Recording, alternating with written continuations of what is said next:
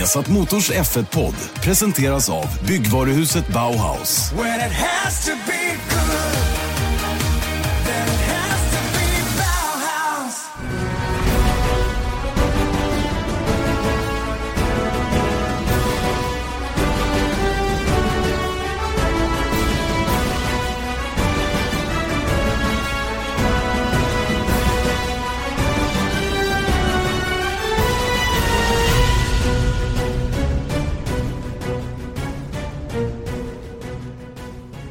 Ja, varmt välkomna till Formel 1-podden denna vecka. Janne Blomqvist, Erik Stenborg. Vi har satt Motors Formel 1-podd. Jag sitter och ser en Erik Stenborg mot en solvägg i Los Angeles. Alltså nu börjar det bli riktigt störande där. Å andra sidan så kontrade jag rätt bra med lite bilder från helgen för min egen del.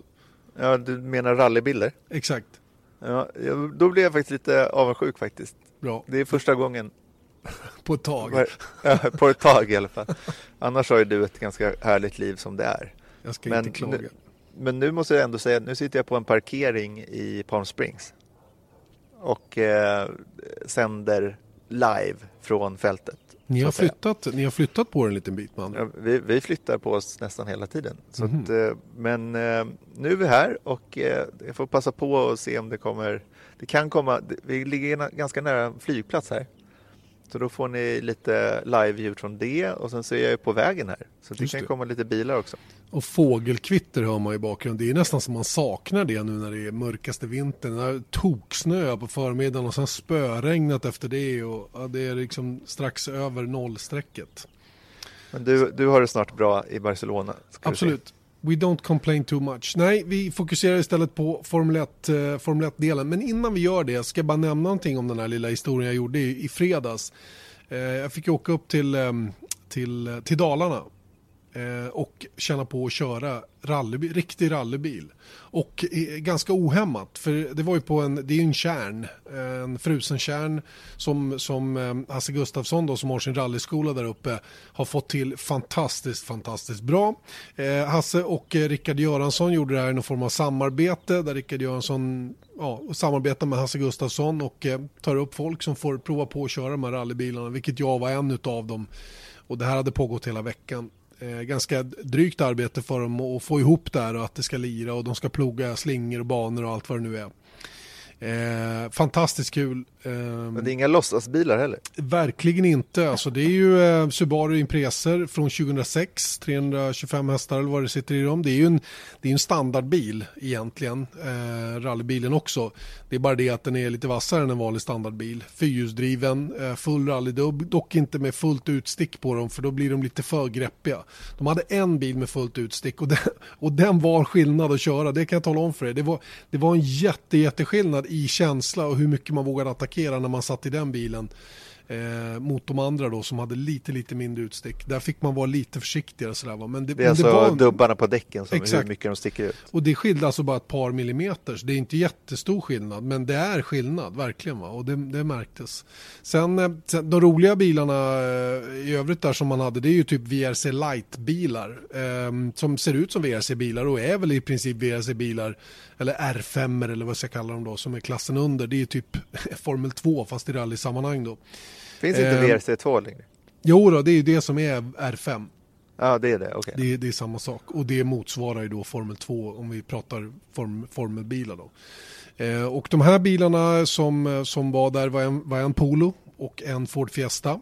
Eh, dock bestyckade då med en Mitsubishi Evo 10 motor, också på drygt 320 hästar. Eh, och med originalväxellåda. Så hela drivlinan var från en Evo 10 och satt i den här bilen med riktig sån här hydraulisk handbroms. Du vet man har pinnen rätt upp bredvid sig när man sitter.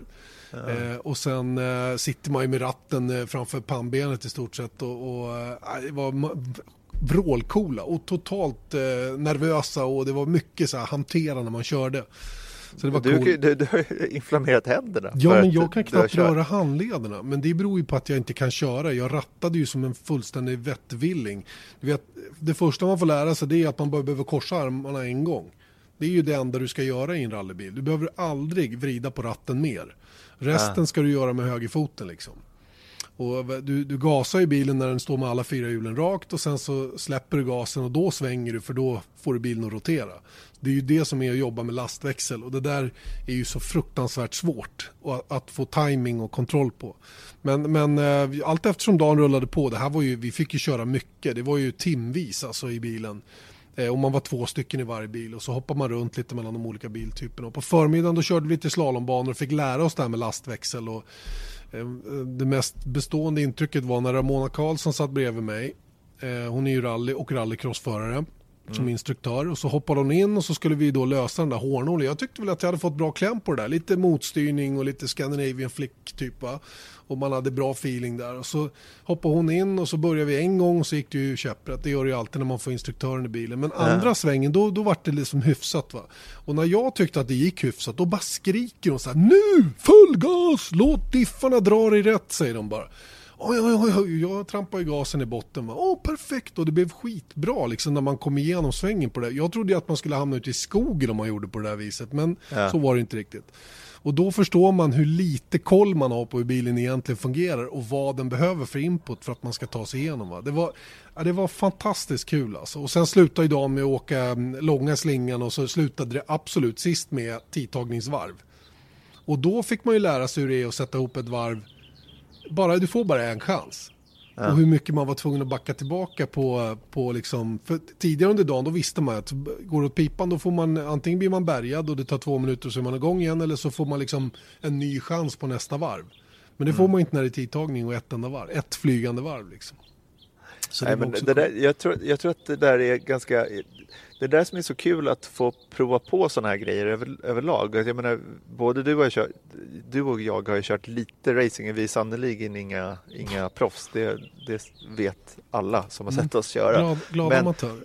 Ja, men vi vet ändå liksom lite hur det går till, mm. tror jag. Men jag mm. tror att sen med de som är riktigt duktiga, eh, oavsett om det är rally eller racing, så är det den där grejen att det är en helt annan det de håller på med är någonting helt annat. Mm. För att jag, jag, liksom när jag tycker att man, när vi körde de här Volvo C30 eh, på Gelleråsen, då känns det som att här, här, fick jag, här var ett kvalvarv liksom helt plötsligt som jag fick ihop. Äh, men det är ändå liksom två sekunder långsammare än Felix Rosenqvist. Mm. Alltså, och, och, då, jag, jag fattar inte. Nej. Två sekunder, det är mycket tid ändå. Mm. Och jag skulle aldrig fixa det. Nej.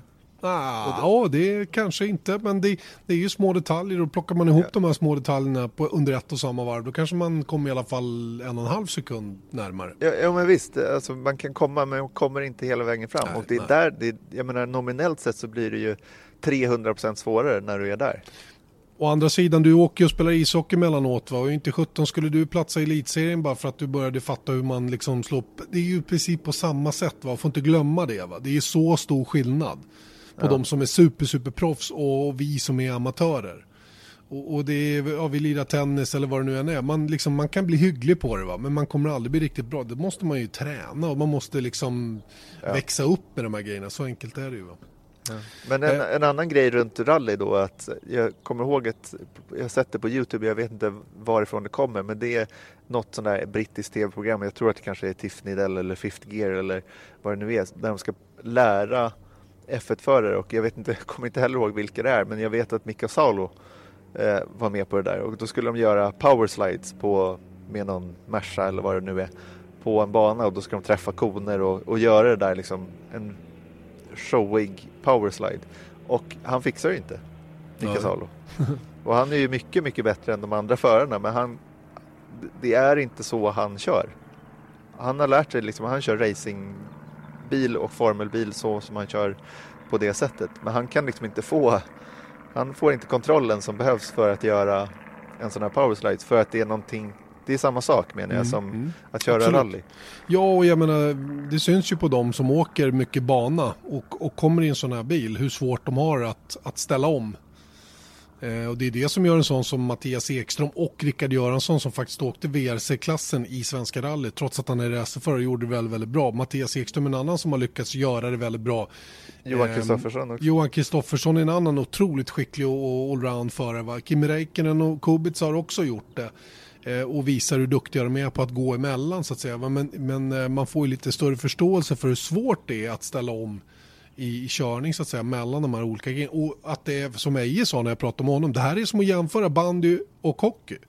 Mm. Rally och racing, det är så stor skillnad och alla som har provat de två sporterna vet att de är fullständigt olika varandra. Det påminner ju inte ens om varandra. Nej. Mer än att man åker på is.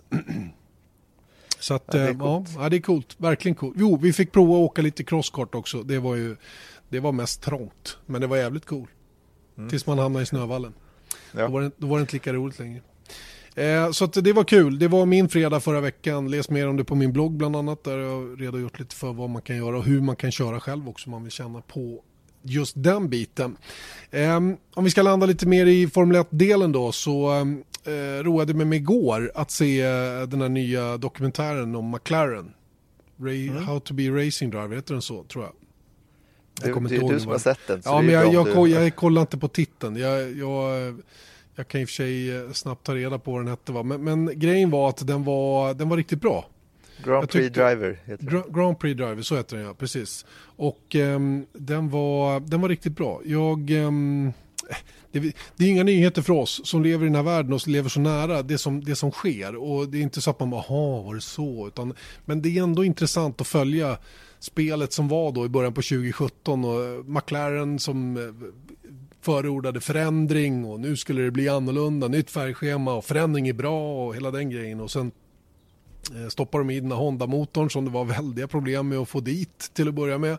De fick den knappt att starta och sen så kom den ut på banan och det var total kris. Och det är ju det hela den här, de här fyra avsnitten går ut på då. Eh, från det att man rullade ut bilen 2017 till sammanbrottet då, ungefär i samband med Singapores Grand Prix då när man berättade att vi kör en Renault istället då under 2018 eller från 2018 och framåt. Och hela den här grejen emellan och hur de var helt övertygade om att eh, Fernando Alonso kommer att dra.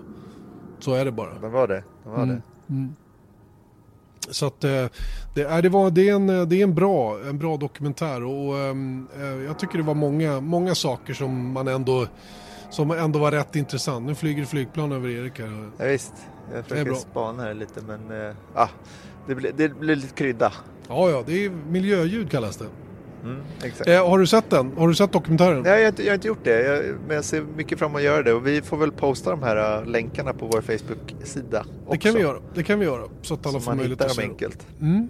Och um, ja, men den är ju den är lite intressant och den ger en bild av McLaren som man kanske inte har tänkt på alltid. Va? Men, men och nu kommer vi till intressanta. Vad är McLaren egentligen?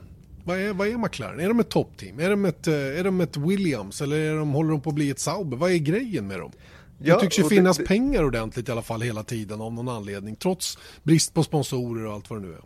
Ja, men det är väl de här, de, de har, McLaren ägs ju i, jag vet inte hur, hur mycket, hur mycket procent, men av eh, eh Bahrain. Mm, kronprinsen i Bahrain som är... Ja, är storägare i McLaren så han har väl eh, gott om pengar då så det är väl lite skillnad på det sättet. Men jag har tänkt på det här också, att hur man skulle kategorisera dem.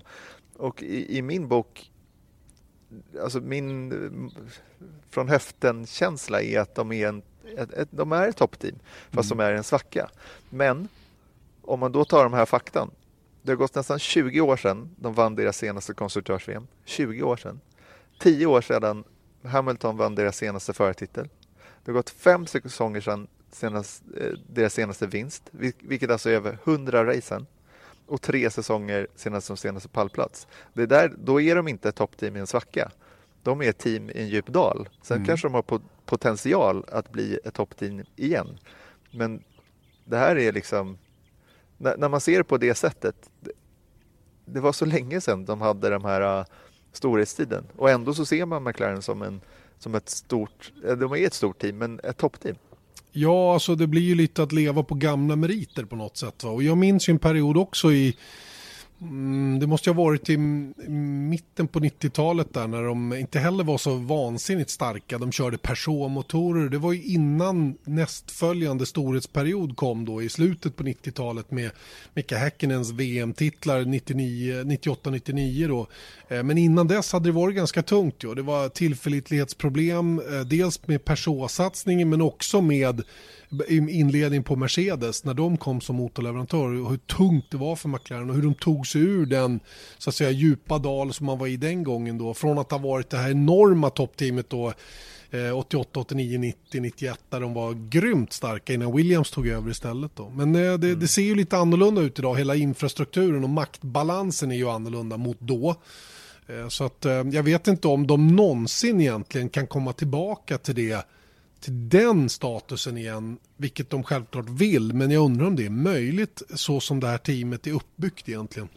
Ja, och det är där vi har det. Att det är liksom, man går runt och väntar på att de ska komma tillbaka egentligen. Och det är där jag menar med svackan. Mm. Eh, att de har alla möjligheter att komma tillbaka, tänker man, men de kanske inte har det längre. Nej, de, de har ju fortfarande en rejäl budget. Det måste man väl ändå säga. Den, den ligger väl runt 2 miljarder om året skulle jag gissa, vilket är det dubbla mot Sauber och Williams och de här gängen. Va? Så, så pengarna verkar ju finnas fortfarande. Va? Men, men eh, det är ju det här att eh, det som Ron Dennis var inne på, vilket gjorde att han signade med Honda, det var att man behöver ju vara fabriksteam för att kunna ja. vinna. Så enkelt är det. Och han såg ju, deras enda möjlighet att bli fabriksteam var ju tillsammans med Honda. Och han hade jobbat länge på att få in Honda igen. Som hade hoppat av efter säsongen 2008. Och, och liksom mer eller mindre försvunnit med svansen mellan benen. Nu på väg tillbaka in igen, förmodligen revanschsugna. Alla bitarna fanns ju där för att McLaren skulle kunna bli det där vinnande teamet igen. Mm. Ja, och det de gjorde var ju att de hade Mercedes-motorer och då gick det lite knackigt där i slutet med Mercedes-tiden också. Det var ju kanske inte motorfelet kanske, men det var ju att de, de fick inte till det och då därför tror jag att liksom, i teorin var det här helt korrekt. Det, att man tänkte att man, vi gör ett eh, typ fabriksteam med Honda.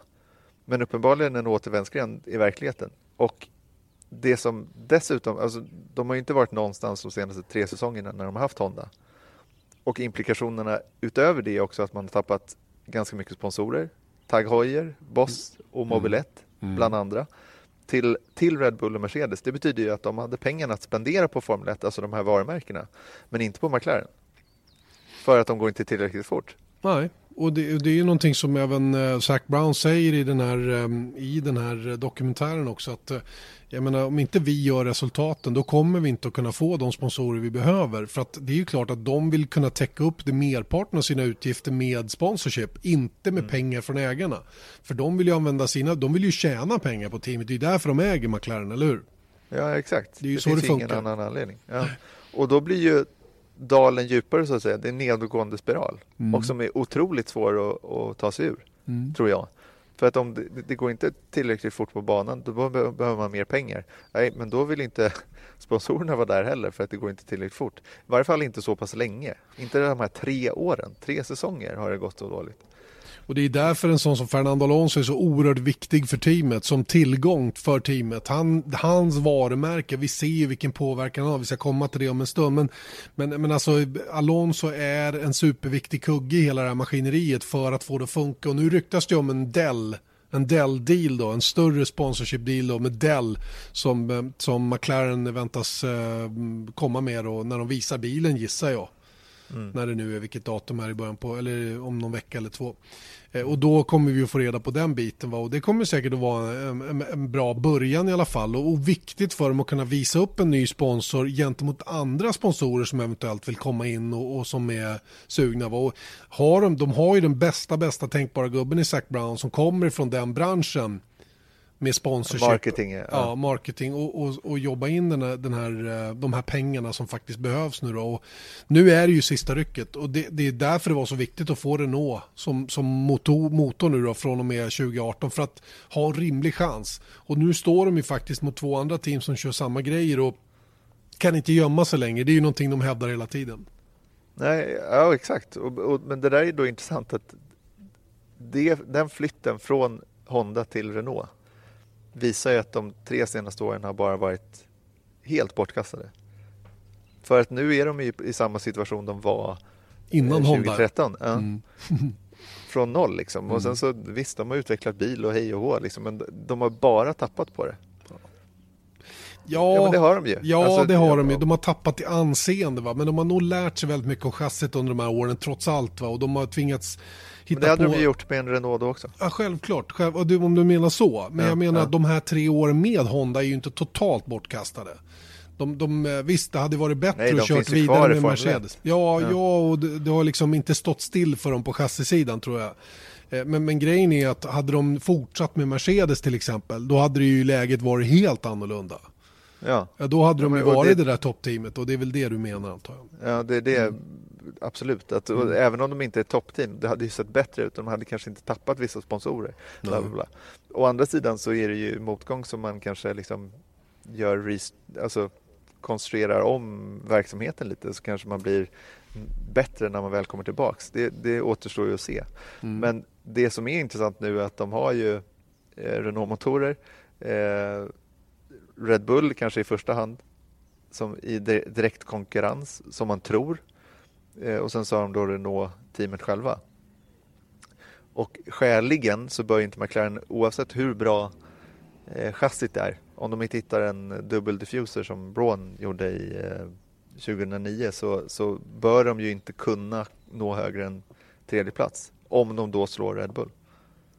Nej, inte, nej eh, ja, inte vet jag. Eh, Lyssnar man på Renault nu så säger de att de har hittat både effekt och eh, tillförlitlighet i sin motor inför 2018. Låt säga att den är pang pom bra så kan, kan allt hända. Va? Men, men till att börja med så måste de ju slå sina kollegor med samma motor. Det är, väl, Ja. det, är väl, det är väl rimligt att ha det som ett slags benchmark till att börja med. Och precis som du säger så är ju Red Bull den första de siktar in sig på. För det är ju ingen hemlighet att, att Renault som fabriksteam ändå är lite grann på efterkälken.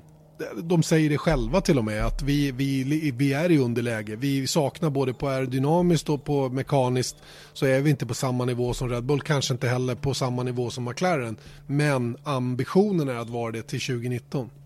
Ja, absolut. Och, det, det kan absolut bli så. Men jag menar, om man tittar på Red Bull. Det är så många att de hade det absolut bästa chassit i slutet av 2017.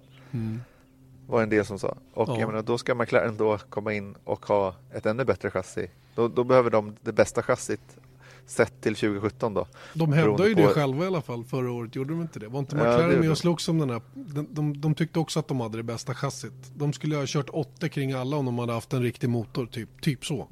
Ja, Det var ju retoriken. sig- Max Verstappen gick ut och sa det här i veckan också att och hade de haft en Mercedes-motor så hade de slagit alla. Ja. Så att, eh, det där är hypotetiskt men jag menar det, det är en jäkla fight som Mm. vi har att se fram emot nu med Renault-teamen. Och du vet, i alltihopa det här så nämnde vi Fernando Alonso tidigare. Och man fattar ju nu vilka eftergifter teamet har fått göra för att Alonso överhuvudtaget ska stanna kvar i McLaren. Alonso får ju garanterat en bra slant för att köra för Toyota. I VEC, World Endurance Championship. Han får chansen att köra ett av racen i The Triple Crown. Han provade Indy 500 förra året, har ju världens chans att vinna Le Mans 24 timmars i år eftersom Toyota är det enda fabriksteamet. Och eh, de, de säger ju själva McLaren att de, de har sagt åt Toyota att det är minimum när det gäller kommersiella uppdrag och sådana grejer. Eller I princip, ni får inte använda honom till kommersiella uppdrag. Han är först och foremost en Formel 1-förare för McLaren Renault. Ja. Eh, och, och det här, det här snacka om Alonso, hans, hans, eh, hans aura, hans möjlighet att påverka saker. Han får, ju, han får ju McLaren att dansa efter sin pipa. Och jag kommer tillbaka till dokumentären hur man ser hela hans kroppsspråk. Han är som en chef där inne. Han är chef. Han är chef bara, bestämmer. Utan att behöva säga ett enda pip. Han bara ler lite och så alla bara... Ja, men jag Ja. vet inte om de medvetet försöker få fram den feelingen. Men det är, det är så det känns när man sitter och kollar. Ja, jag tror att han är så faktiskt. Men, men inte bara det att han får, han ska köra fem, alla fem race nu 2018, alla fem veckrace under 2018. Eh, och det är inte bara så att han får lov att göra det från McLaren utan han har ju, hans medverkan på Fuji, när Veck kör på Fuji, flyttades ju för att det inte skulle krocka med Formel 1. Så att hela fältet i Veck, det är alltså den största eh, endurance-serien i världen, ett, ett världsmästerskap, flyttar tävlingshelg i Japan och- och- och för att han ska kunna få köra, för att han ska kunna få plats att köra och inte missa Formel 1. Och, och, och påverkar 50 andra förare istället som har andra commitment som de måste slänga i soptunnan nu kanske då eventuellt, inte kanske alla men och jag såg Nej, det är många. Det är jättemånga och Jenson Button var ju duktigt irriterad. Alltså, han var ju så irriterad så han gick ut officiellt och sa det att hallå, det här är olyckligt. Jag såg André Lotter hade sagt, skrivit också att eh, vore det bättre att han, eh, bara, att, de, att han släppte ett Formel 1-lopp liksom.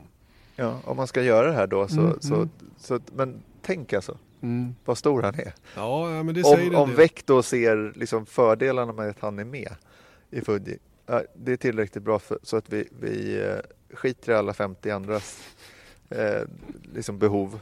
För jag menar, det är många som kör Väck och ja. Imsa till exempel. Ja, ja herregud. Det är, ju, det är hur många som helst som dubblerar i alla möjliga GT-klasser och även i sportvagnar och vad det nu är. Så att, det, det, ja, jag förstår att det, det har väckts en viss irritation. Men jag kan ändå inte låta bli att bli lite impad av det där. Alltså jag tänker ha den powern. Alltså det, det, är ju hur coolt som helst. Alltså mm. Jag tycker att det är superhäftigt att mm. han får igenom det. Mm. Men det säger också en sak om vilken avgrund McLaren står inför.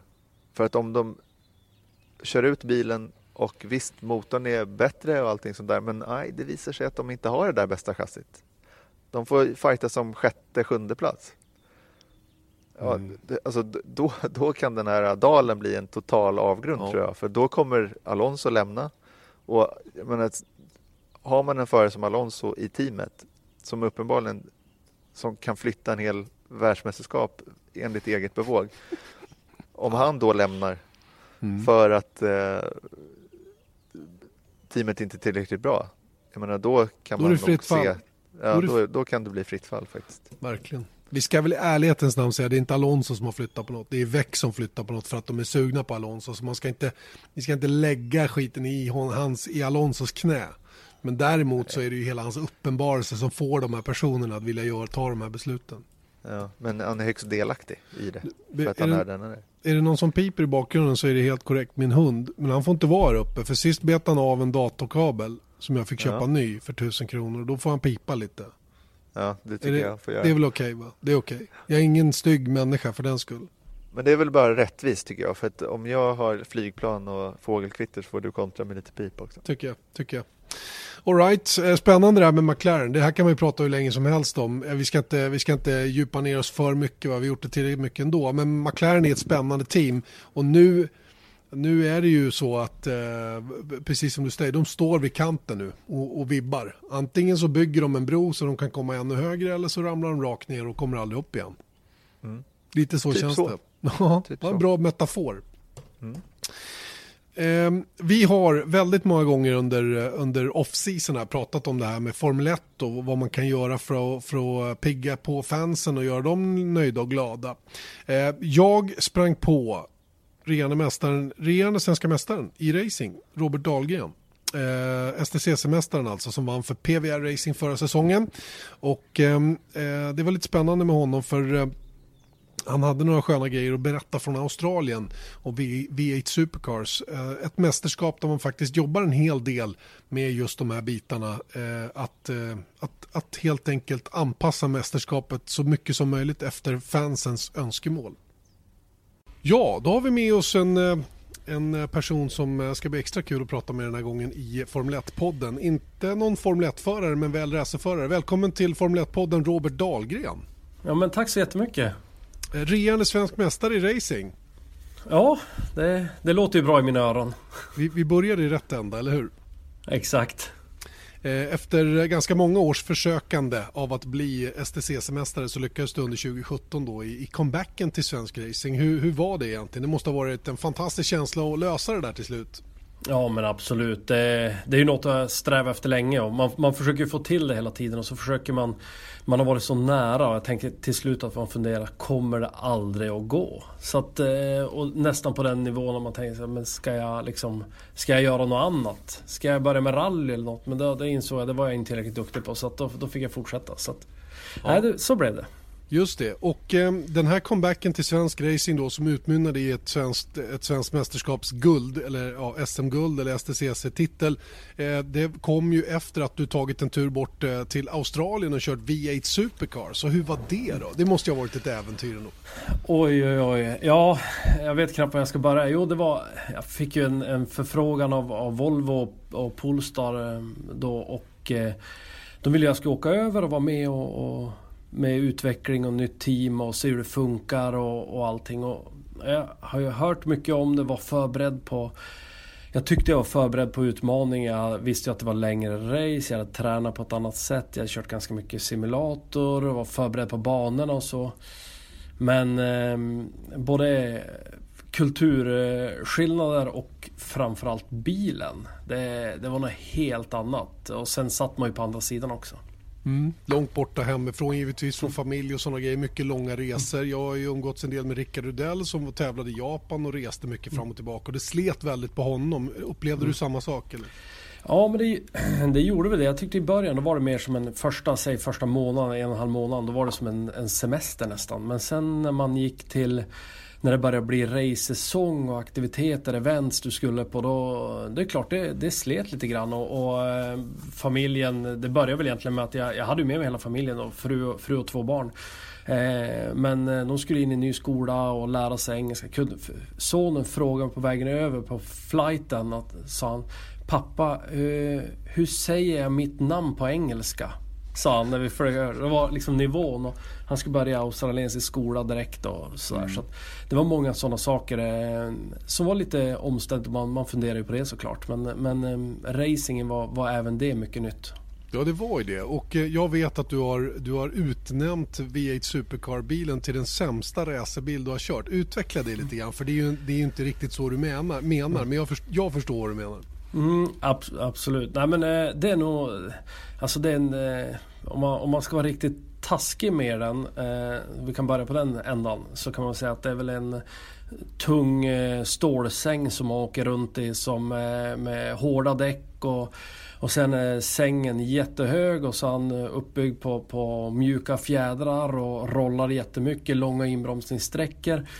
Ehm, och sådär och, och, ganska dålig känsla i, i, i bromspedal och, och så. Men, ehm, och sen väldigt mycket effekt. Eh, och det kan ju vara roligt i sig. Det är väl den ena sidan av det. Sen den andra sidan av det blir ju... Det är, jag är lite kluven i det här eh, för att jag älskar ju serien. Jag tycker det är helt fantastisk racing. Superrolig eh, bil att köra i tävlingssammanhang. Mm. Eh, så den är helt fantastisk. Men det är, det är en helt annan skola. Än vad, även om jag försökte förbereda mig på det. Många berättade om hur, hur, hur det skulle vara och vad man skulle förbereda sig på. Men innan du har upplevt det här själv. Då är det svårt att, att greppa det. Ehm, I, säger, tar du europeisk skolning, då har vi ju små motorer, eh, mycket grepp. Och ska transportera mycket fart in i svängarna. Egentligen, jag menar, en sak är att, att, att bromsa sent men du vill ju komma upp av gas, eller bromsa så tidigt som möjligt då för att öppna upp gas och hålla upp moment. Och den här är precis omvänd. Du kliver på, på broms väldigt tidigt så du har ju alltid en bromssträcka på minst 150 meter. Eh, eller vid 150-skylten och sen när du är på väg in då gör du den inbromsningen i olika faser. Så du har du, har, du slår på fullt och så backar av lite grann och ligger i en eh, steady state på bromstryck som är väldigt högt steady state där vi normalt sett fejdar av i Europa bromsen så ligger du på högt tryck. Sen ska du göra ett trappsteg till på vägen in för med, med spolen som är i bakvagnen så blir den som en gokart. Den vill ju understyra in i sväng. Eh, och med hårda däck också så att utan att ligga kvar på broms den sista lilla delen i sväng, då understyr bara bilen rakt fram. Eh, det är ett väldigt speciellt sätt, så det blir omvänt där du i Europa lyfter av bromsen extremt tidigt, tar med dig mycket fart. Så här ska du göra precis tvärtom. Mm. Och när man har skolat sig det i 20-25 år så är det svårt att vänja av Ja men det är klart att det är det. Och det, det, det är många som kommer dit till, till, Australien och kör den här bilen och har svårt att hitta omställningen. Sen,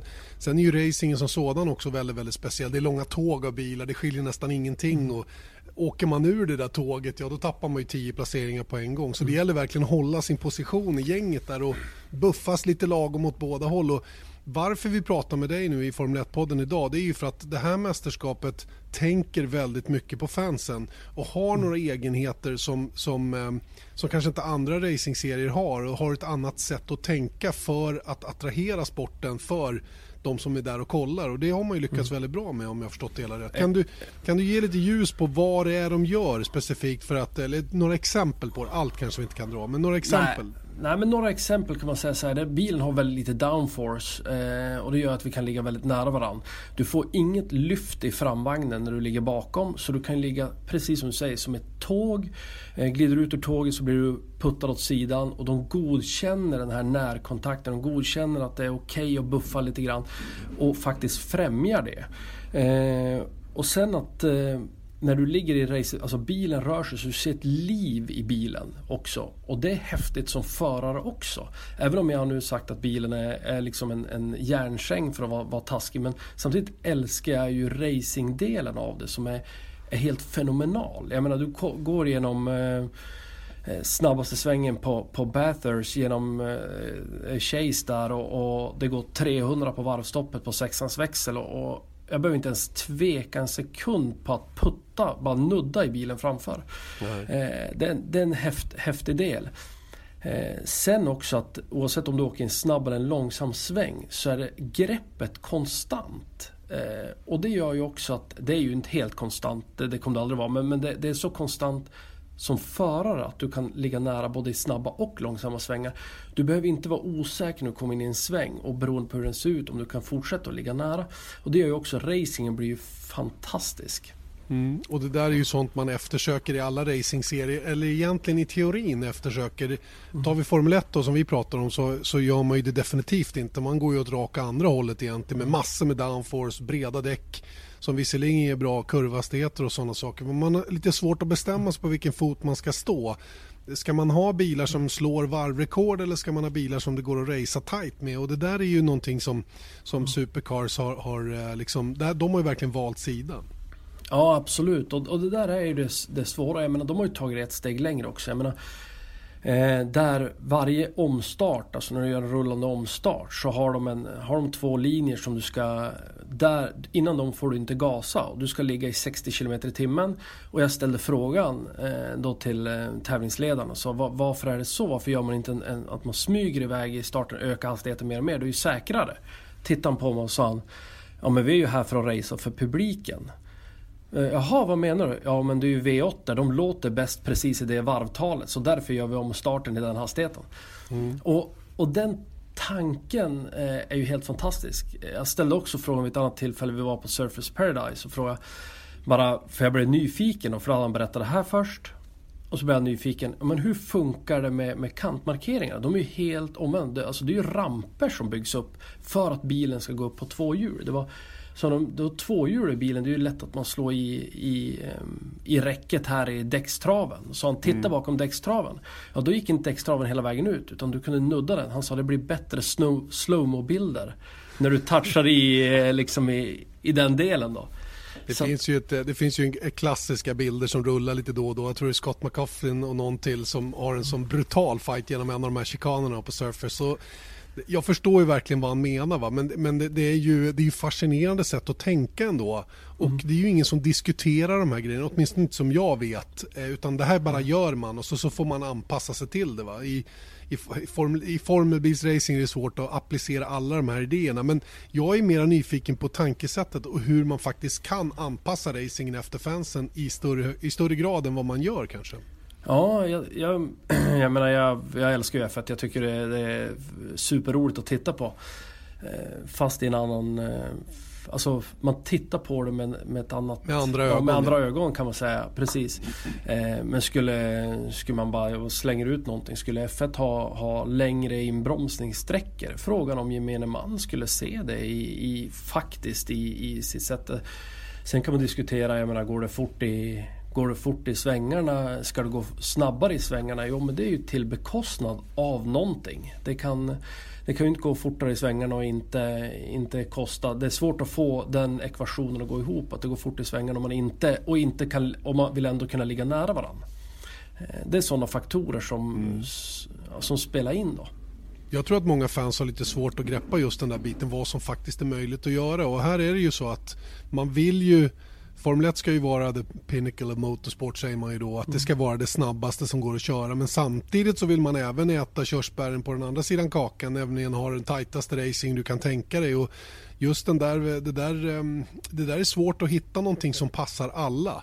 Och det blir mm. alltid kritik och synpunkter på ditten och datten. Och jag, jag, jag själv har ingen eh, patentlösning. Det verkar inte som om de som leder Formel 1 har det heller. Men, men hur skulle du vilja se att Formel 1 gjorde nu då när de får chansen kanske att ändra reglementet från 2021? Ja, oh, det är en stor fråga men jag har som sagt jag har inget svar. Alltså. Jag har inget svar på hur, jag har ingen patentlösning heller. Eh, men, men jag tycker att det är intressant vägen man går. Alltså jag, jag älskar ju själv att köra bilar med mycket grepp. Eh, att, det, att man kan bromsa sent, man kan ta mycket fart genom svängarna. Men, men samtidigt så får man ju inte heller tappa publiken. Och jag, det är ju ändå det. Kommer inte, kom inte publiken, kommer inte tv-tittarna, kommer inte sponsorerna och kommer inte ha bra racing.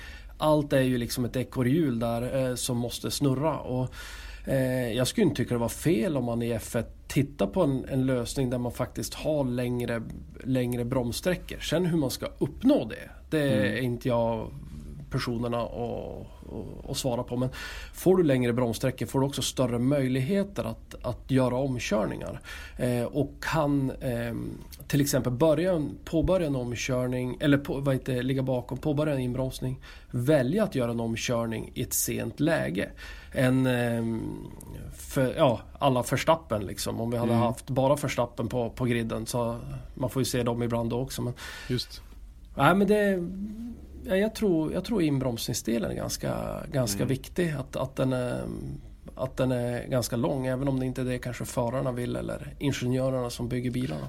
Nej, och sen tror jag att vi måste försöka kommunicera, eller sporten måste försöka kommunicera att vi kan inte få allt alla bitarna går inte att, att, lösa utan man får ju liksom sikta in sig på vissa delar och, och racingen är ju viktig va? men sen, samtidigt ska man väl komma ihåg också att Formel 1 är ju inte sån här hjul mot hjul racing varje varv hela tiden och har egentligen aldrig varit och jag tror ju precis som du att det här med bromssträckorna är nog viktiga för dels det och dels mer mekaniskt grepp. För har vi sett de där klassiska fighterna från 70-talet, är det Arnaud och Villeneuve i, i, på Dijon när de åker om varandra i 10, 15, 20 kurvor i rad så, så, är ju inte det, det är ju inte bilar som är i närheten av lika snabba som det man åker idag. Så det, det, ja, allting har konsekvenser så att säga.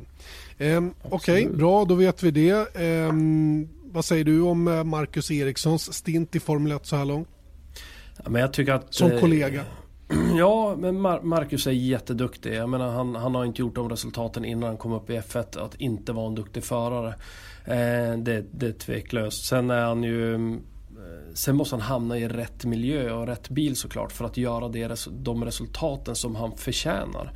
Eh, sen har man fått fråga många gånger så här, eh, Kan han bli, bli världsmästare i, i Formel 1? Ja, i rätt bil tror jag. Rätt miljö. Det, mm. det, det, är så, det är så svårt att utvärdera men, men jag hoppas innerligt att, att eh, han får, får den här, att de får göra det här lyftet. Jag tror att det blir mycket tajtare i år och, att det, det kan eh, variera mer än vad det har gjort tidigare. Åtminstone hoppas jag det väldigt mycket. Mm. Och det ska bli jätteintressant att se, se, se hur, han, hur han gör den här säsongen. Men jag, jag, jag tror ändå, jag är optimistisk och tror att han eh, kommer att göra bra resultat i år.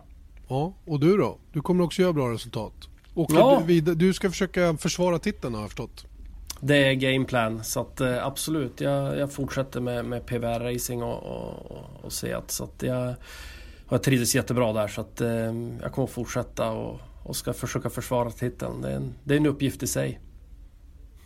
Ja, verkligen. Det önskar vi givetvis lycka till. Och vill vi se V8 Supercars, den här fantastiska serien, så kan man göra det på Viasat Motor ett år till. För vi har nämligen Eh, de rättigheterna vidare också. Det är lite kul även om det är lite okristliga tider emellanåt. Men eh, brukar du gå upp och kika på dem?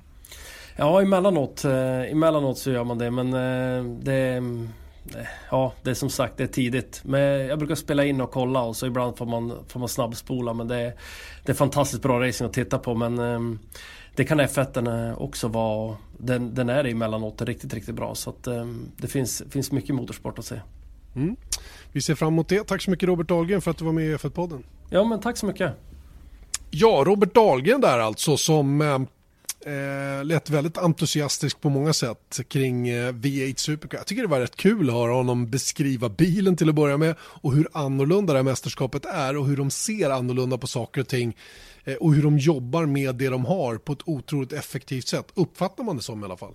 Ja, alltså 60 km i timmen för att V8 och låter bäst på det varvtalet. Curb som medvetet touchar däcktravar.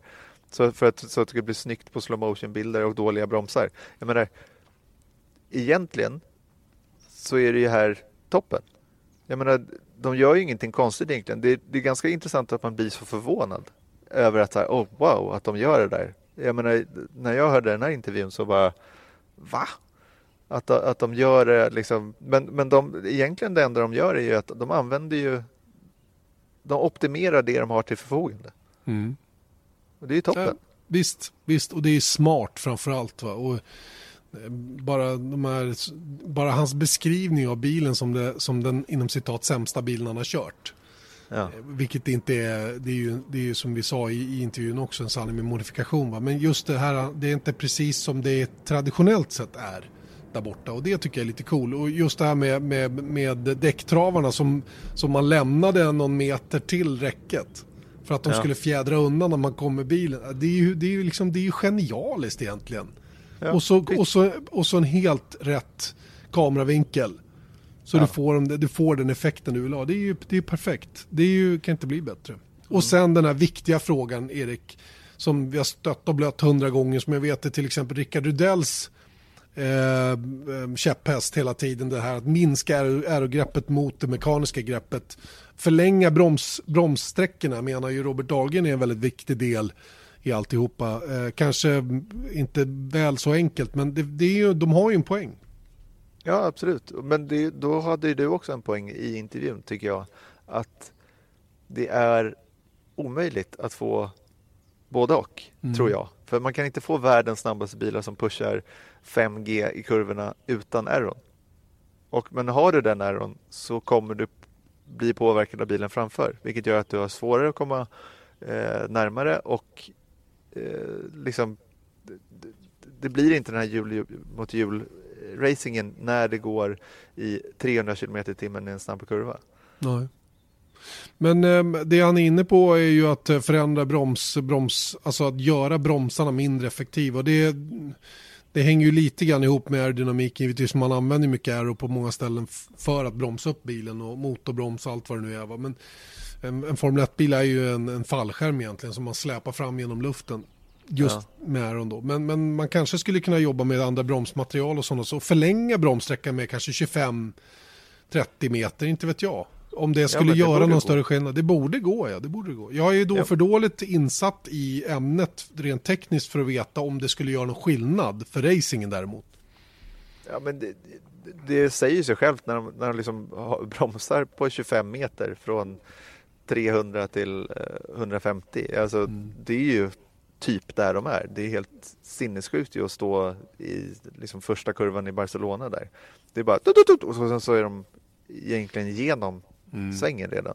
Så att det, det, känns ju så här, förläng det lite för att, ja men som han beskriver det. Och jag menar, jag vet inte, kan man ha stålbromsar? Förstår du? Så att, det, det har man väl haft i Indycar länge, höll jag på att säga. De har väl inte de värsta, värsta bromsarna där av den anledningen. Ja. Att man vill ha längre bromssträckor så att det finns en chans att kanske bromsa lite senare då. Om du behärskar den tekniken och på det sättet kunna attackera på föraren framför. För det är ju inbromsningarna som omkörningar sker i allmänhet. Ja, och ha sämre bromsar kanske, att, att mm. de tar slut på ett sätt som kanske inte är... Nu, nu kan ju de göra det med kolfiberbromsar också, men det är ofta för att de är dåligt typ ventilerade, att de har inte Liksom, så, så, att de, de överhettas mer. Men problemet med F1 är ju att bilarna är för bra. Är det inte det vi har kommit fram till tidigare? De är för bra. Bromsarna ja. är för bra. De, de, blir inte så som du vill att de ska bli. De är för bra helt enkelt. Det, ju, det funkar för bra. Mm. Vilket var det där som Ross Braun, det är hans käpphäst också. Att bilarna är för bra, de är för tillförlitliga, de är alldeles för optimerade, de är alldeles för väl inställda också. Så antagligen så är det väl bromsar en del i det men också eh, att de måste vara nog lite sämre på mm. många punkter för att de ska mm. generera den här racingen som man är ute efter. Just. Och återigen, vi kan inte få allt. Vi kan inte få både körsbär och kaka och, och sen ha den kvar också. Det går inte. Nej, antagligen inte. Du, det var ju en rolig intervju tycker jag. Roligt att höra Robert, Robert Dahlgren, entusiastisk, intresserad och engagerad. Det gillar vi. Och eh, det innebär ju att vi nu kan ta en kortare paus för lite kommersiella meddelanden. Men vi är alldeles strax tillbaka med Bernie Ecclestones mest galna idéer. Vi har satt Motors Formel 1-podd med Janne Blomqvist Erik Stenborg fortsätter oförtröttligt. Trots att det är tidig morgon i Los Angeles och eh, sen eftermiddag hemma i Sverige så krigar vi på. Och Erik, eh, du har plockat upp lite grann, eller det är en sajt egentligen som har plockat upp lite grann av Bernies idéer apropå vad man kan göra för att eh, skapa intresse för, för sporten och för racing så att säga. Bernie hade ju lite udda, udda idéer minst sagt. Ja, och det är WTF1.com då som den här, ja, vad är det, det är en nyhetssida fast som är lite, det är en fansida egentligen om, om Formel 1 där de skriver lite eh, de har lite annorlunda vinklar på Formel lite 1. Ro, lite roligare vinklar många gånger, inte så ja. seriöst.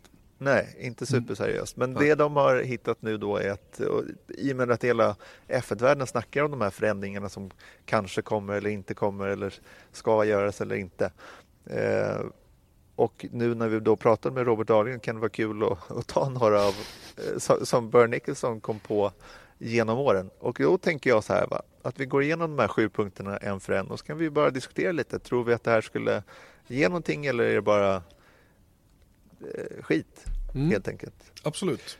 Så kör igenom dem. Ja, han kom på då och där faktiskt har jag hört från flera olika personer också. Jag tror att Mattias Ekström hade någonting att säga till om här också. Att han, mm. han, han var, hade i alla fall uttryckt det här. Han var med och dropp, dropp, droppa idén kanske. Ja, och det är det här med alternativspår eller han kallade det shortcuts, alltså genvägar.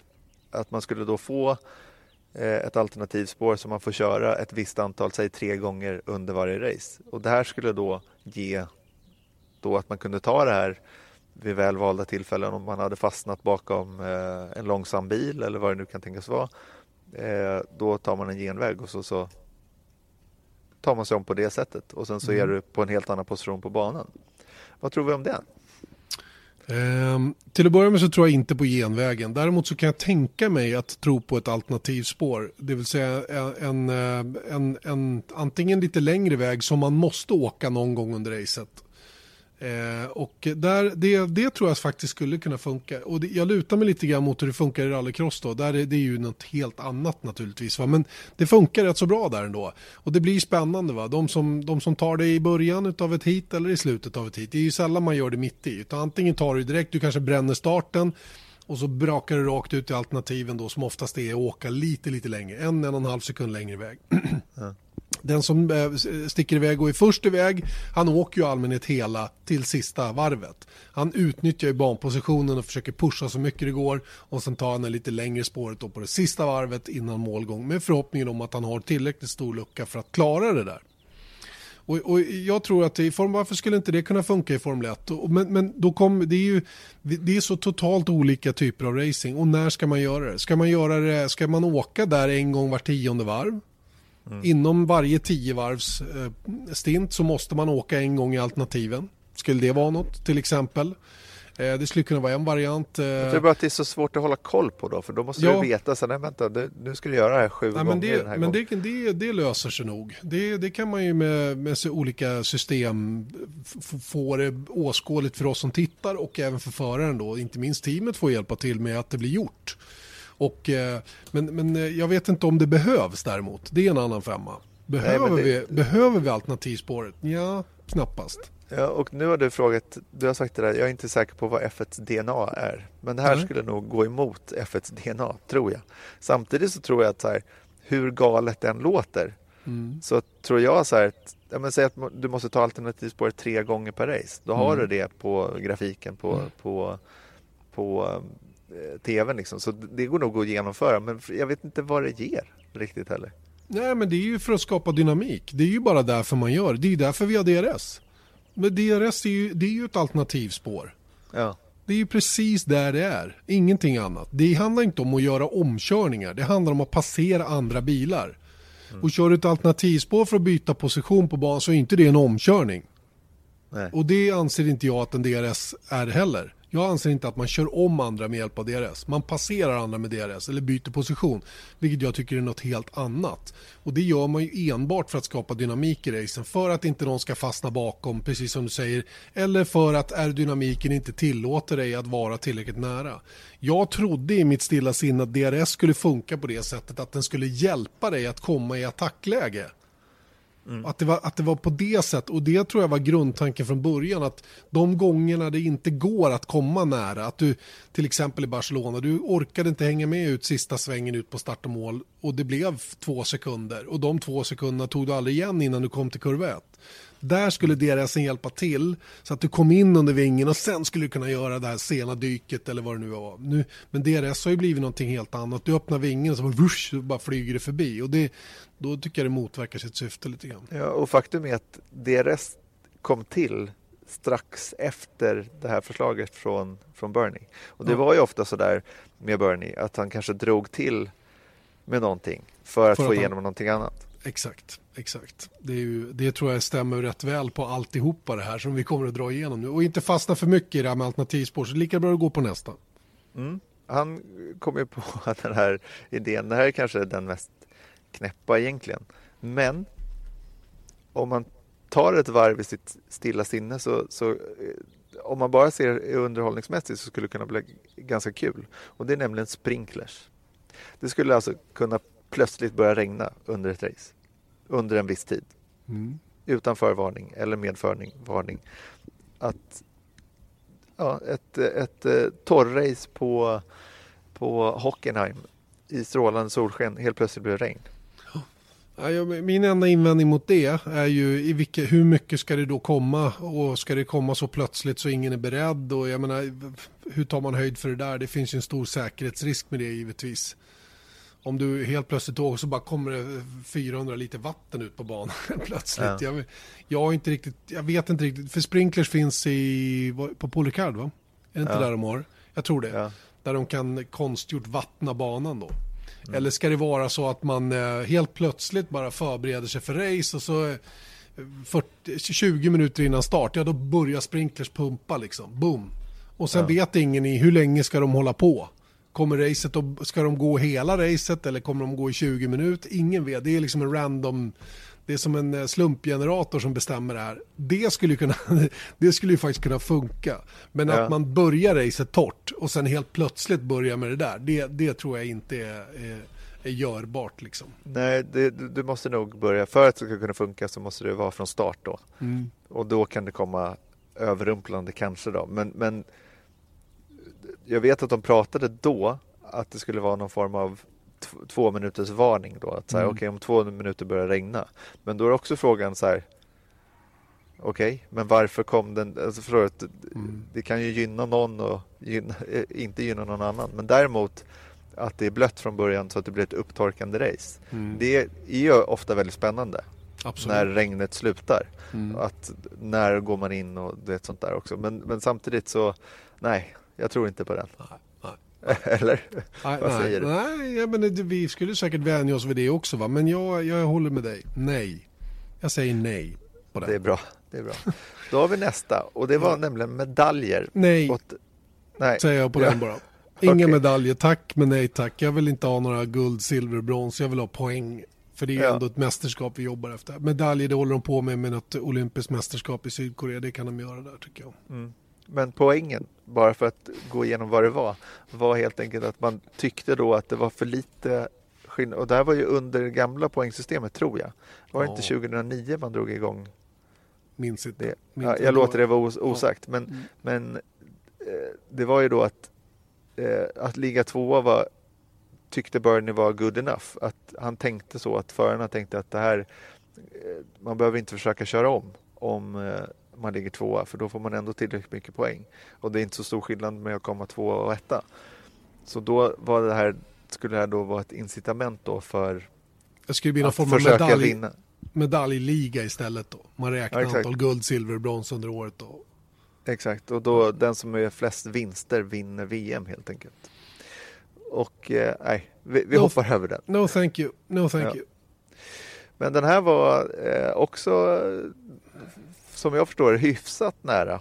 Och det här är hela vägen tillbaka från 80-talet. För han, har han styrde ju Formel 1 under ganska lång tid. Och det var obligatoriska depåstopp för förare som har vunnit.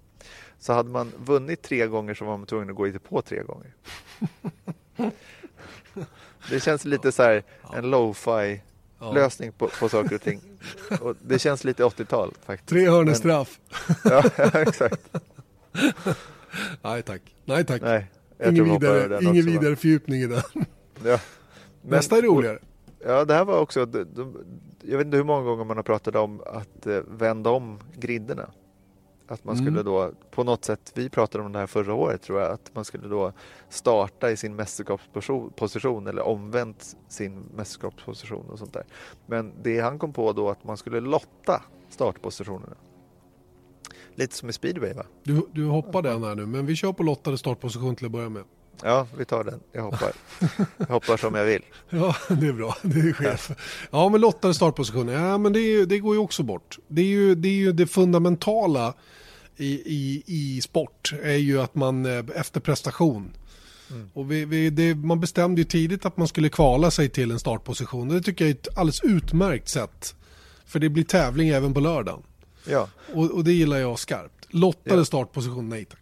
och kvalet är ju bra. Vilket var ännu då förvånande för ett par år sedan då när de satte in och skulle göra om det här kvalsystemet. Jo, som fast- alla var nöjda med. Fast incitamentet var ju inte lördag utan det var söndag. Man ville ju få till eh, mixade startgriddar. Det var ju det som var eh, liksom ambitionen på något sätt. Va? Men då förstör man ju ett viktigt moment redan i de pågående helgerna och det tycker inte jag håller. Nej. Verkligen inte. Så att, eh, nej det, det är tokigt. Tokigt. Mm. Han ville förmodligen inte det där heller utan han bara sa det. Jag tror det också. Det är nog de flesta av de här tror jag. Men då går vi tillbaka som punkt då och Ja. säger två race per helg med ett Mm. kort break emellan. Lite likt Formel 2 fast man då skulle köra, Mm. säg att det var ett race på 30 varv och sen skulle det ha en kvarts paus Mm. och sen så skulle det köra 30 varv till. VTCC. VTCC typ. Ja, som, de höll på, som de höll på. Nå, jag, jag, jag tilltalas av idén med två race per helg. Det gör jag absolut. Men inte med kort break. Jag, vill gärna se, jag skulle gärna se en, en fullmatad fredag, träning och kval fredag. Eh, ett race på lördagen. Ett, Mm. ett, ett 45 minuters inom citat kvalrace. Som, som, eh, som, som eh, gav lite poäng kanske, inte vet jag. Och sen framförallt gav det startpositionerna till huvudracet på söndagen. Som ska vara exakt lika långt som det vi har idag. Det vill säga upp till två timmar. Eh, Det skulle jag kunna tycka var skitbra. Att få, att vi skulle i sånt fall, då skulle vi få ett kval på fredagen. Grymt spännande. Vi skulle få ett kvalrace på lördagen. Grymt spännande. Vi har ju alla sett Macau. Vad, vad som kan hända där. Och köra till sig, då kanske man kan få, eh, vädret ger oss en, en, en spännande vinnare i, i, i kvalracet och en mixad grid på, på, på söndagen så att säga. Men, men eh, det, det skulle ju göra att hela helgen blev större. 45 minuters race på lördagen och 90 minuter säger vi då. Vi säger vi kan dra ner maxtiden till 90 minuter då på söndagen. Det skulle jag tycka var helt okej faktiskt. Det, det, det känner jag, det, där är de ganska nära vad jag skulle kunna acceptera. Trots att jag också är konservativ. Mm. Ja, men jag tror också att det finns en ytterligare poäng i det där. I eh, någonting som jag vet att FHM mäter idag är ju attention span. Hur mycket tid kan man lägga på en och samma sak? Och jag menar, det är ju det där att oss jättefans, vi har nog inga problem att se en timme uppsnack inför race och sen så två timmar race och sen så en timme nedsnack. Men då har det helt plötsligt gått fyra timmar på en hel dag. Det, det är svårt att få igenom det hemma kanske. Eh, Det går Så inte. Sådana slottar, såna slottar tror inte jag lever speciellt länge. nej, och det är där jag tror att också att där finns ju en poäng i att då skulle du ha kanske en timme per dag som du behöver hänga med. För då är, eller en och en halv. En timme på lördagen och en och en halv på söndagen. Det, det tror jag att det mm. kan man liksom klämma in i sitt vanliga liv. Absolut, det gör vi ju idag. Och jag tror att man skulle kunna höja tittningen på lördagarna genom att ha det på det här viset. Sen får man kanske leva med att söndagen inte, inte lirar på det sättet som man önskar då. Ja, då går vi på sista punkten. Det var att han tyckte, Bernie alltså, att F1 ska vara farligt. Man skulle sätta murar runt alla kurvor, vilket även skulle avhjälpa track limits. Det var ju en dubbel idé han fick till där tycker jag. Det var ju väldigt kul. Han tyckte också att det var trist, bara som ett exempel, när Alonso kraschade i Melbourne eh, 2016 va? När han går över, var det inte Gutierrez, så att man ser att han liksom rollar över rakt ner i, i samfållan. Det han tyckte var tråkigt där var att det var inte dramatiskt nog för att man såg att han klättrade ut och var okej. Okay. Han tyckte man skulle sätta upp skärmar, tagit in honom i ambulansen eh, och kört iväg honom och sen lite senare berättat hur det hade gått. För det här var ju bara slöseri med tid då att, att man såg att Alonso var okej. Okay. Vad säger du där? Ja, vad säger jag där? Jag, det, är ju, det där var väl ett typiskt Bernie Ecclestone-uttalande. Det var ju så dumt så klockorna stannar. Så det, det, det, är också sånt där, det där är ingen idé ens att kommentera. För det var inget han egentligen ville. Det är klart att man inte kan ha murar, murar runt alla kurvor. Och det är bara det att, bara det att tycka att det skulle vara, man skulle fejka att det såg värre ut med Alonso än vad det faktiskt var. Det är ju också så dumt. Så det, nej, sånt, det, det där köper jag inte. Så det var en dum punkt, så den tar vi bort. Mm. Ja, Erik, då har vi gått igenom de sju punkterna och det var väl, eh, hmm, det var inte jättemånga av dem som vi tyckte var toppen. Eh, jag kan, jag kan leva med kanske två. Två. Max två utav sju. Max två. Max två. Ja. Kanske en då. Ja. Nåväl. Han är ju rolig Björn Ekesson i alla fall och det visar ju att det, det, idéer fanns det gott om många gånger. Men eh, som sagt, han eh, finns ju inte kvar så det är ju bara hypotetiskt alltihopa numera. Mm. Eh, någonting som däremot är eh, väldigt aktuellt just nu och har blivit det då senaste veckan igen nu då, det är ju det här med Halo versus vindruta på bilarna. Eller windscreen då. Indycar testade windscreen, eh, det var väl Scott Dixon som körde det på en oval tror jag det var, på Phoenix, va? var det inte det? Jo, det var det. Och eh, vi vet ju att Halo då kommer att införas. Och Halo och windscreen, de, de är ju basically är det ju samma sak. De, de, de, de, skyddar sam, sam, ja, och samma område. Om du tänker på hur Halon ser ut. Hade, den, hade det varit en vindruta istället så hade den varit böjd ungefär som Halon är böjd runt omkring föraren. Så de har, det är bara det att man, man, det är som att Halon är en vindruta utan vindruta. Ja, och, vind, och vindrutan är vindrutan, om du fattar vad jag menar, utan Halo-stagen. Eh, så att det, på det viset är de ungefär samma sak då. Det är ju Eh, Formel 1 bestämdes för Halo och eh, efter att ha testat windscreen ehm, och det här eh, gjorde ju då att Indycar vill också testa någon huvudskyddslösning och de däremot har kommit fram till att det här med windscreen funkar rätt så bra och om jag har förstått testen som Scott Dixon gjorde så, så är samtliga tämligen positiva. Ja, det överträffade Indycars förväntningar säger de själva.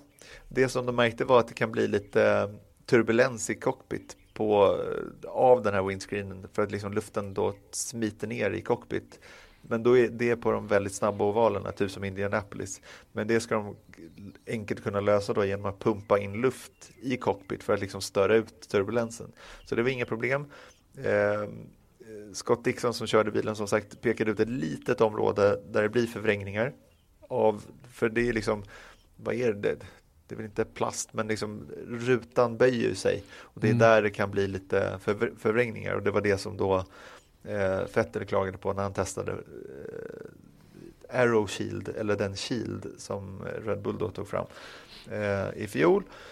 Men eh, företag som tillverkar de här eh, windscreensen då säger att de kan lösa det enkelt. Det var en prototyp det här och det, tydligen så beror förvrängningar på att tjockleken varierar med några liksom procent av en millimeter i de kurvade delarna av rutan. Är tjockleken helt exakt så kommer inte förvrängningarna och det är det de säger att det där, det där är inga eh, stora problem. Eh, och de testar det här med en visor cam. Vi lägger ut det klippet också på vår Facebook-sida tycker jag. Mm, så man kan det. se, för det ser för det första med en, på oval med en visor cam, det måste ju Formel 1 införa också. Det, det går så sjukt fort alltså. Ja, det är hur coolt. coolt, ja, det är hur coolt som helst att se. Och det är så bra kvalitet på de här kamerorna numera också så att det, idag är de ju inte så här som bara ruskar och hoppar för ett öga funkar inte riktigt som en kamera och de, de har fått lite mer, det simulerar mer ö, ögat tycker jag numera än, än det gjorde från början då när David Coulthard testade det så länge han kör för tio år sedan. Ja, exakt. Så det är, det är stor skillnad nu. Men där så ser man ju då hur kilen ser ut. Att man, det är skillnad att se med ögonen, liksom, med en förares ögon såklart. Men när man ser på klippet så är det ju inga förvrängningar alls. Och Mm. då är det den där lilla, lilla eh, förvrängningen som Dixon då ut, eh, pekar ut. Men med tanke på det här, den Shield som Red Bull kallar den, som Red Bull och, test, och Vettel testade i fjol, var ju en prototyp och det är ju inte så alls säkert på hur bra kvalitet den hade. Och då är det nästan, med tanke på hur fort de fick det här att fungera, nu åker en stor, din favoritbil, stor Ja. Dodge Ram förbi här. Mycket bra, mycket bra. Eh, men det är ändå lustigt då att de avfärdade den här shielden så snabbt då, med tanke på hur fort Indycar har fått det att funka. Ja, fast jag tror inte de har avfärdat kilen om jag ska vara ärlig. Jag tror bara att den ligger i, den, den ligger i vidareutveckling. Men eftersom man hade Halon klar och jag tror att det var många team som tryckte på om att få vilken lösning det skulle bli i god tid. Och detta mest på grund av designen av kommande bil. Så, så det, och det här är ju högst mina egna spekulationer men det, är, det låter rimligt i mina öron att det är på det viset att man pushade rätt hårt under ytan så att säga för Halon för att nu måste vi veta. Och sen, och sen kan vi fortsätta titta på en Shield framöver för det är väl både du och jag rätt överens om att Halon är inte slutprodukten. Nej. Ett, Och det det säger ju faktiskt, det är ju faktiskt ett väldigt bra klipp som du hittade som Mercedes har släppt med James Allison som Just. berättar om, om eh, Halon och hur man implementerar den på, på årets bilar. Och det är faktiskt väldigt så här, väl uttryckt av honom. Så jag tycker vi postar det klippet också. Det är väldigt ja. mycket Youtube för er. Men gå in på vår Facebook-sida så hittar ni allting. Absolut. Facebook.com F1-podden är adressen till den då. Och de här, eh, den här Halon då påpekar James Allison som jag tyckte var bra för han var, han var varken negativ eller positiv till, till Halon. Han bara pratade om den helt neutralt. Det är ju faktiskt en grej som kommer att sitta på bil. Vi behöver inte, alla blir så upprörda åt ena eller andra hållet hela tiden. Det behöver man väl inte bli. Den är ju där. Mm. Det är inte så mycket mer att göra åt det. En Halo, en, den, den sitter där för att skydda för punkt slut. Det är inte så mycket att tjafsa om liksom. Det är ju inte the end of the world på något sätt, vilket en del får det till. Jag ska inte tala om för andra vad andra ska tycka, det är inte det det här handlar om. Men ibland kan jag tycka att det blir lite så här, vi lägger så stor vikt vid saker och ting som vi ändå inte kan påverka. Det är ju, det är ju liksom bara att, det, det är bara att, den är ju där. Hm. Mm. Eh, Men jag hur tycker jag- också att det här är bra nyheter för Formel 1 med eh, Indycars windscreen. För funkar det Absolut. och de testar det och ingen klagar på det, då kommer vi nog få bort Halon ganska Ja, snart. och är det då så att den inte är så fager att titta på i helsvart så som den har visat så här långt så kommer den ju naturligtvis och vi kommer ju tillbaka till integreringen som var på Formel E-bilen som jag tyckte var riktigt okej. Eh, I det avseendet. Va? Och, låt oss vänta och se nu då. Och, ja, det, det, är ju, det, är, det är ju lite spännande där att, att ehm, vi pratade om det förra podden, kommer du ihåg det? Att vi pratade om det här, har Formel 1 verkligen tagit, tagit, är de beredda på the shitstorm så att säga, som kommer från och med torsdag när Williams visar sin bil. Jag är inte riktigt säker på det och det krävs en, en marketingavdelning på Mercedes för att faktiskt börja förklara den här grejen eh, på ett, på ett vettigt sätt istället för att bara en massa sura potentater och journalister är småspydiga om det precis varenda gång den kommer på tal istället för att vi är lite neutrala runt Halon. Var en, liksom, och, och se det för vad det är. Nämligen ett skydd, precis som hjälmen. Nej, men det är fult att åka med hjälm. Förarna borde åka med keps istället. Hallå. Men du, där har vi lite Formel 1 i nötskal. Det är väldigt Lite så. starka reaktioner på, så. på, på väldigt mycket. Och det är Ja. väl på ett sätt därför man gillar det. Jo, men det är det ju va. Men det är lite tröttsamt när till och med sådana som är som du och jag, det vill säga journalister söker liksom effekt hos människor genom att uttrycka, populistiskt uttrycka en åsikt som man vet kommer att ta skruv. Oh, ja. För det, det är sånt kan jag tycka är lite tråkigt. Det är ju inte vårt jobb som journalister. Nej. Men vi får Så. se hur det blir på torsdag. För snart kommer Exakt, då kommer det. Då kommer det shitstorm. Så är det med det. Det var Indycar Windscreen kontra Halo. Eh, avslutningsvis Erik, så är vi ju sugna på att följ, fylla våran eh, önskelåda igen. Ja, Eh, det är nämligen så att ni som har lyssnat på podden under längre tid så har vi tagit in eh, lyssnarfrågor eh, ibland och ehm, tanken är då att runt månadsskiftet så ska vi börja göra det här varje vecka. Och eh, tillsammans med samarbetspartner som vi kan presentera snart. Och de kommer göra även då att ni som skickar in en tillräckligt bra fråga så att den tas upp i podden får ett fint Formel 1-pris. Så att vi eh, kan väl be er att börja tagga till här nu och tänka till på intressanta frågor som dels som ni vill ha reda på men även kanske diskussionsämne som eh, eh, kan passa bra i podden. Mm. Vi kommer att göra en liten omstart av det här med, eh, med lyssnarfrågan alltså i, i samband med teststarten kan jag väl säga. Då, då liksom blir det på, på så vi, ni har någon, någon vecka eller två till på er att ösa på och fyll på på vår eh, Facebook-sida framförallt då facebook.com snedstreck eh, F1-podden. Där kan ni gå in och lämna era lyssnarfrågor och det finns ingen fråga som är för dum att ställa så att säga utan ös på med vad det än kan vara så, så vi har lite att välja ifrån. Och den som vi väljer ut varje vecka får alltså en fin liten goodiebag hemskickad det är väl kul? Det tycker jag. tycker jag med. Mm. Då är vi väl eh, nästan eh, klara för denna vecka va? Jag känner mig extremt klar. Ja.